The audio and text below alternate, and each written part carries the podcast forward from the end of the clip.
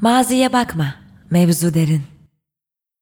OM'un Maziye Bakma Mevzu Derin sergisi, geçmişten günümüze birey ve toplum arasındaki ilişkiye ve ötekiyi tanımlama biçimlerimize odaklanıyor. Sergideki eserler, aidiyet, adaptasyon, kabul görmeme, meydan okuma gibi insan olma hallerini araştırıyor. On Podcast'tan herkese merhaba. Mikrofonda ben Büşra Erkara. Bugünkü konuğumuz sergide olmadığın yerler ve daha foto yeraz eserleriyle yer alan Rehan Miskçi. Rehan 1986'da İstanbul'da doğdu.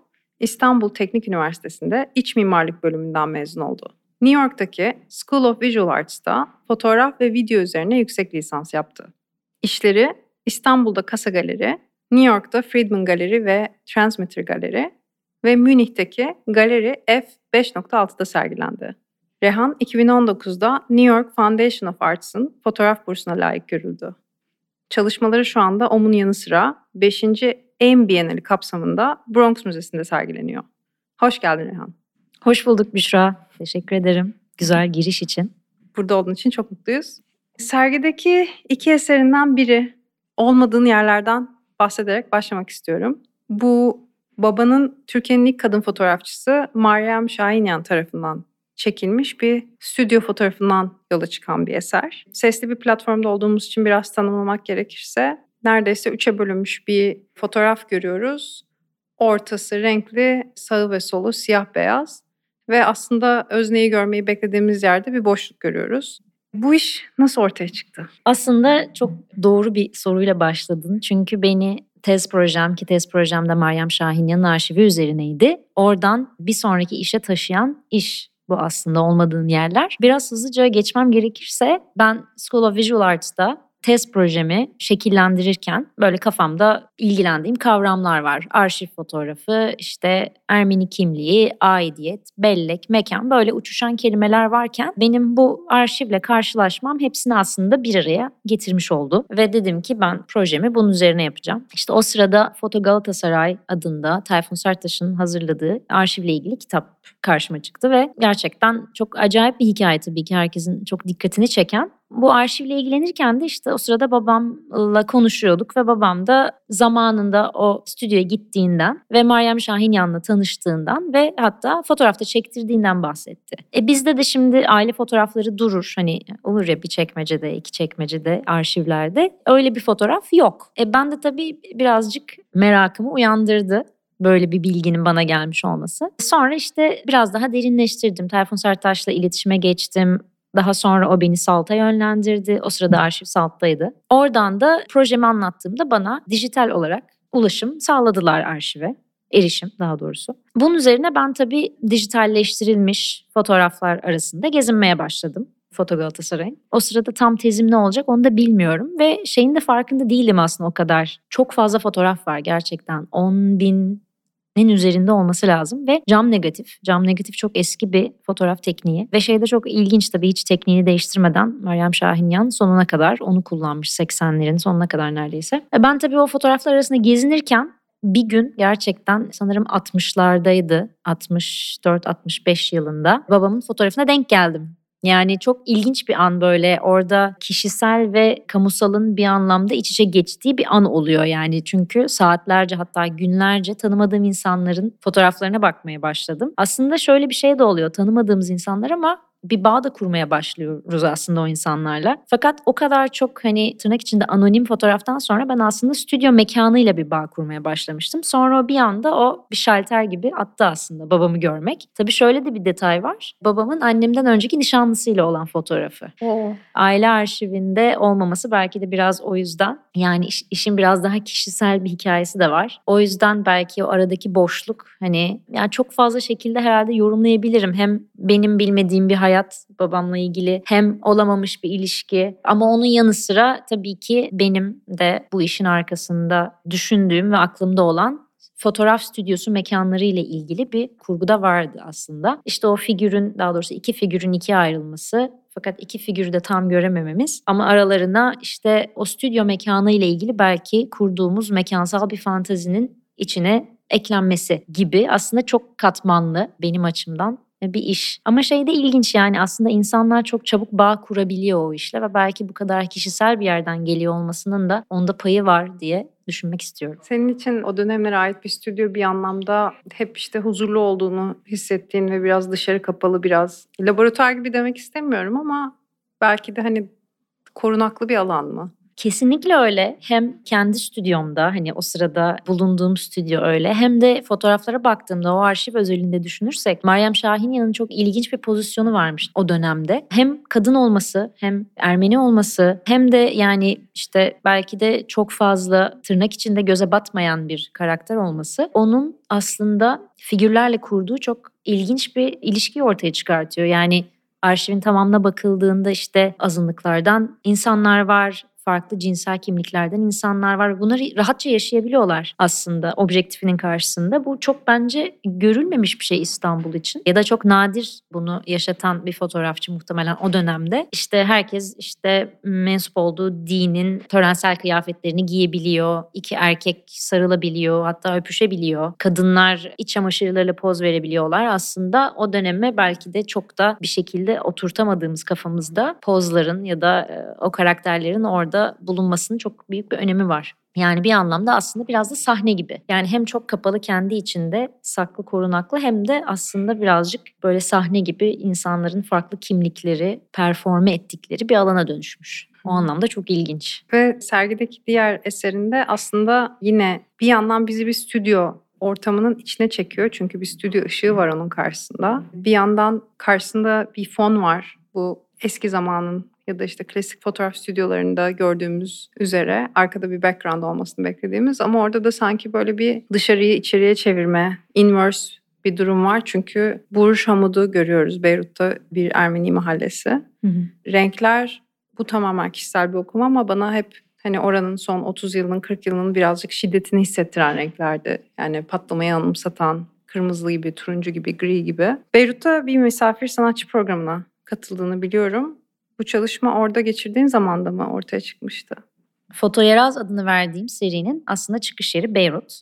Ve o işte aslında serinin ilk işi. Şöyle bir şey olmuştu orada. Ben yani çok kafamda fik- fikirle gitmiştim. Meryem Şahinyan'la ilgili yaptığım projeden sonra hayali bir stüdyo, fotoğraf stüdyosu yaratmak ve bu stüdyoda aslında figürleri göstermeden sadece mekansal özellikleriyle fotoğraf stüdyolarından bahsetmeye çalışmak. Hatta yani mekanın neredeyse figür konumuna geçmesi ve poz vermesi. Fikir genel olarak buydu. Ve işte hani eskiden stüdyolarda kullanılan senin de bahsettiğin o fonlar ve fonların üstünde biraz daha işte fantezi mekanları aslında görürüz. Normalde ait olamayacağımız işte çok mesela saray iç mekanları ya da işte biraz doğaüstü işte ormanlar ya da yarım kalmış böyle bir merdiven falan böyle birazcık sürreel bir havası vardır onların. Bu dağ işi de aslında biraz o tarafa gitti ve dediğin gibi Burşamut da aslında şöyle Beyrut'ta ki Ermeni popülasyonun en çok yerleştiği daha doğrusu eskiden bir mülteci kampı iken daha sonra semtleşmiş bir alan e, ve çok da yüklü bir yer tabii ki. Yani benim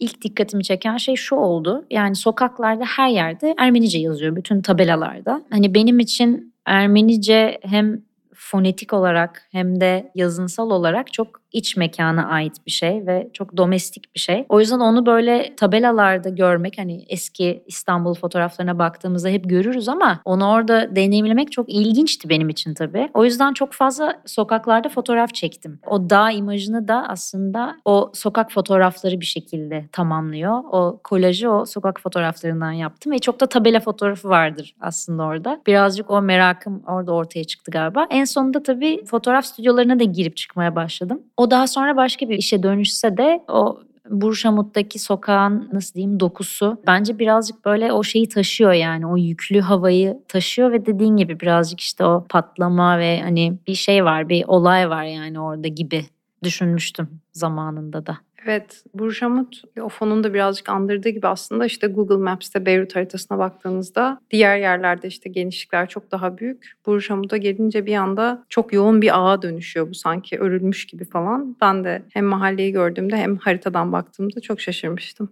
Kesinlikle yani orada gerçekten bir başka bir ağın içine girdiğimizi hissediyoruz gibi bir hava oluyor. Ama Beyrut'ta çok yani bunu söylemek ne kadar doğru şu an bilmiyorum ama hani o anlamda büyülü bir yer yani hani hep yani romantize edilmiş tabii zamanında işte Orta Doğu'nun Paris'i vesaire ama bir yandan da çok gerçek ve çok ağır şeylerin içinden geçmiş bir şehir. Ama işte ben oradayken 2016'da hani işte tabii benim kısıtlı bir vakit geçirdim. 6 hafta geçirdim ama çok acayip bir deneyimdi benim için o anlamda. Burşamut'ta daha da yani daha da böyle bir yüklü, yüklüydü.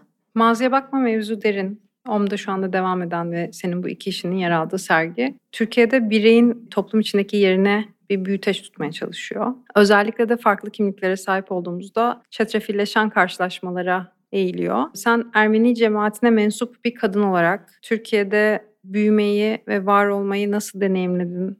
Bu sorunun bir de ikinci kısmı var ama belki biraz başladıktan sonra sorabilirim onu da. Tamam. Yani herhalde çok tekil deneyimler bunlar. Bunu biraz daha aslında yaşım ilerledikçe de fark ettim. Bir de Amerika'ya gittikten sonra da fark ettim. Kendi benim yolculuğum şöyle oldu. Yani ilkokulu bir Ermeni okulunda okudum. İşte o zaman tabii eğitime Ermenice dil de dahildi. Ve zaten evde hep Ermenice konuşuyorduk. Daha sonra okul değiştirdim ve aslında Türkçe eğitime devam edip Ermenice bir şekilde okul hayatından çıkmış oldu. Ama evde hep Ermenice konuşmaya devam ediyorduk. O yüzden bir anlamda yani şöyle aslında ben dilde biraz fark ettim onu.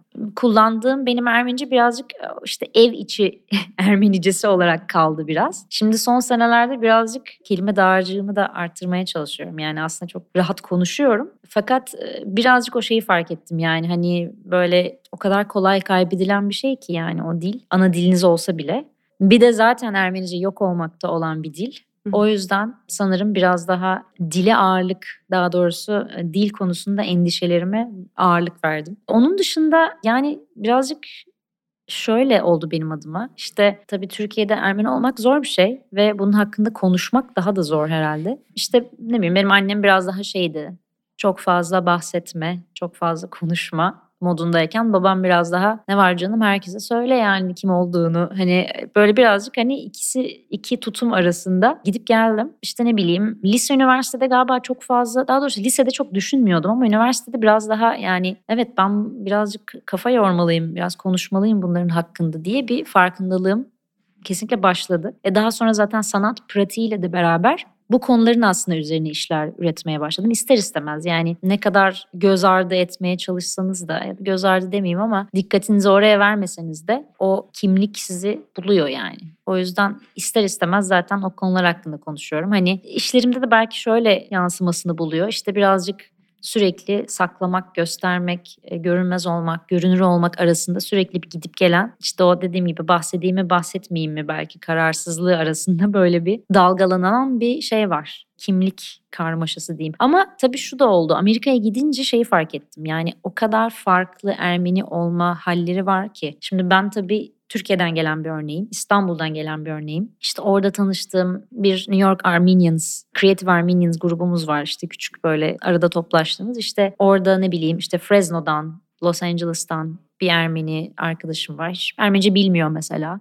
Ama merak ediyor yani bu kimlik Nasıl bir şey ben merak ediyorum. Hiç bugüne kadar merak etmedim diyor. Ya da Ermenistan'dan, İrvan'dan bir arkadaşım var. O bambaşka bir deneyimden geliyor. İşte İran'dan bir arkadaşım var. O bambaşka bir deneyimden geliyor. Yani bu kadar farklı Ermeni kimliklerin olması aslında çok ilginç geldi bana. O yüzden işte kendi kimliğimi de onların yanında onlara kıyasla görmeye başladım. O da benim için çok aslında değerliydi. Ama evet tabii ki Türkiye'den olmanın bir ağırlığı var bunun üzerinde. Sanat pratiğini nasıl şekillendirdi idi ikinci kısmı ve oraya genel akış içinde gelmiş olduk. Lisans eğitimini iç mimarlık üzerine aldın ve daha sonra görsel sanatlar alanında çalışmaya başladın. Bu iç mimarlık eğitimi onun bir parçası olarak aslında mimarlık, genel bir mimarlık bilgisi bunlar bugünkü çalışmalarını etkiliyor mu? Kesinlikle etkiliyor. Yani aslında ilk bölüm değiştirdiğimde birazcık şey düşünmüştüm. Yani ben şimdi bunu tamamen geride mi bırakıyorum, bambaşka bir şey mi atlıyorum? Hani öyle bir arada olma hali vardı. Ama tabii ki işlerim şekillendikçe aslında ne kadar mekanın ve mekanı oluşturan unsurların ne kadar da aslında işin içinde olduğunu fark etmeye başladım. E şimdi iç mimarlık okuduktan sonra tabii iç mimarlık eğitimi ve genel olarak bence belki mimarlık eğitimi hani pratiğinden o kadar farklı ki yani çok zevkli ya kendi adıma söyleyeyim çok zevkli ve çok eğlenceli ve çok beni beslediğini düşündüğüm bir dört sene geçirdim. Daha sonra aslında çok kısa bir senelik bir çalışma deneyimim oldu. E orada da aslında çok başka yani tamamen nasıl diyeyim keyifsiz bir çalışma ortamındaydım yani ve belki de iç mimarlık eğitiminden sonra hani birazcık hayal kırıklığı oldu. Ben sanırım daha biraz daha teori kısmını, biraz daha mekanı düşünmeyi, düşlemeyi seviyorum. İşin fiziksel ve hani o çok gerçek kısmına gelince birazcık böyle bir şey oldum. Uzaklaştım gibi oldu. Fakat yani zaten fotoğraf ve video hep hayatımdaydı. Yüksek lisansta biraz bunları birleştirdim gibi oldu. Yani mesela bu fotoğraf stüdyosu örneğinde olduğu gibi aslında işte o dediğim gibi ama Meryem Şahin'in fotoğraflarına bakarken stüdyo mekanını çok merak etmeye başladım. İşte o mesela o halılar, o duvarlar, işte o kullandığı bütün malzemeler hani o şey gibi yani o bütün o insanların hayatını emmiş ve üzerlerinde taşıyorlarmış gibi o malzemeler. Biraz öyle geliyordu o mekanın yükü demeyeyim ama o mekanın taşıdığı hayatlar ve hatıralar varmış gibi geliyordu. O anlamda mekan üzerine düşünmeyi zaten çok seviyorum ve biraz daha tabii fotoğraftan sonra işlerim mekansallaştı da diyebilirim. Fotoğrafın mekanda ve mekanın fotoğrafta nasıl sunulduğu ve nasıl algılandığı ile ilgili düşünüyorum. Yani illaki o peşimden geliyor iyi bir anlamda söylüyorum bunu ve o yüzden de çok mutluyum. Ama tabii fotoğrafta illaki ağırlığını koruyor. Şu anda e, Bronx Müzesi'nde bu 5. AIM Bienali kapsamında sergilenen bir işin var. Biraz ondan bahsetmek ister misin? Tabii. O da aslında yeni ürettiğim, daha doğrusu 2021'de ürettiğim iş Bienal için. O da aslında geçen sene, daha doğrusu 2020'de bulduğum bir aile arşivine ait. Hepsi pasaport fotoğrafı olmasa da resmi evrak fotoğraflarından oluşan bir iş. Ve bayağı geriye giden dokümanlar var yani Osmanlı döneminden kalan doküman bile var. Birazcık işte biraz daha bu Ermeni kimliğiyle ilgili aslında e, belki de en çok onunla alakalı olan iş diyebilirim. O anlamda hani kendime cesur geliyor bu işi yapmış olmam. Yani aslında şey kendi ailemin resmi evrak dokümanları benim aileme ait işte dedemden başlayıp dedem, anneannem, dayım, annem, babam vesaire. Onların farklı evreler işte askerlik dokümanı, evlenme cüzdanı, evlilik cüzdanı, nüfus kağıdı yok sanırım ama işte farklı hani devletin o farklı aşamalarından geçerken Osmanlı da buna dahil tabii verdikleri portreler ya da o verdikleri fotoğraflar tabii bu fotoğraflar bir şekilde o evraklara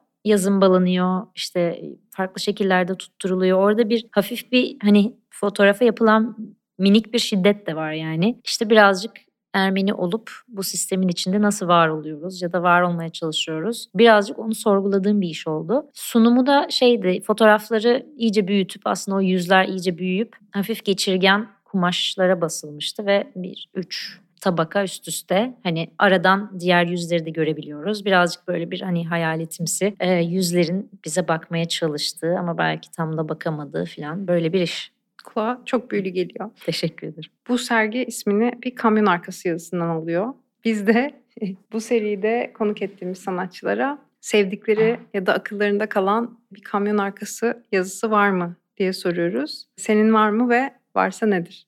Çok güzel bir soru. Çok teşekkür ederim. Kendim görmemiş olsam da yakın zamanda denk geldiğim çok güzel bir kamyon arkası yazısı gördüm. Şöyle diyor. Ben Atilla İlhan değilim. Belki de sen bana mecbursun bilemeyiz.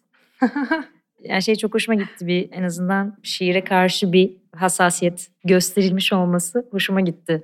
Evet bir yandan da bir karşı şiir. Kesinlikle karşı şiir aynen.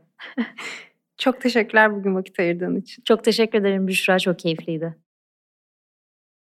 Bu podcast serisi OM'un Maziye Bakma Mevzu Derin sergisi kapsamında gerçekleşmektedir. Hazırlayanlar Büşra Erkara, Bala Gürcan ve Umut Özcan. Destekleri için Aposta'ya teşekkür ederiz. Bir sonraki bölümde görüşmek üzere.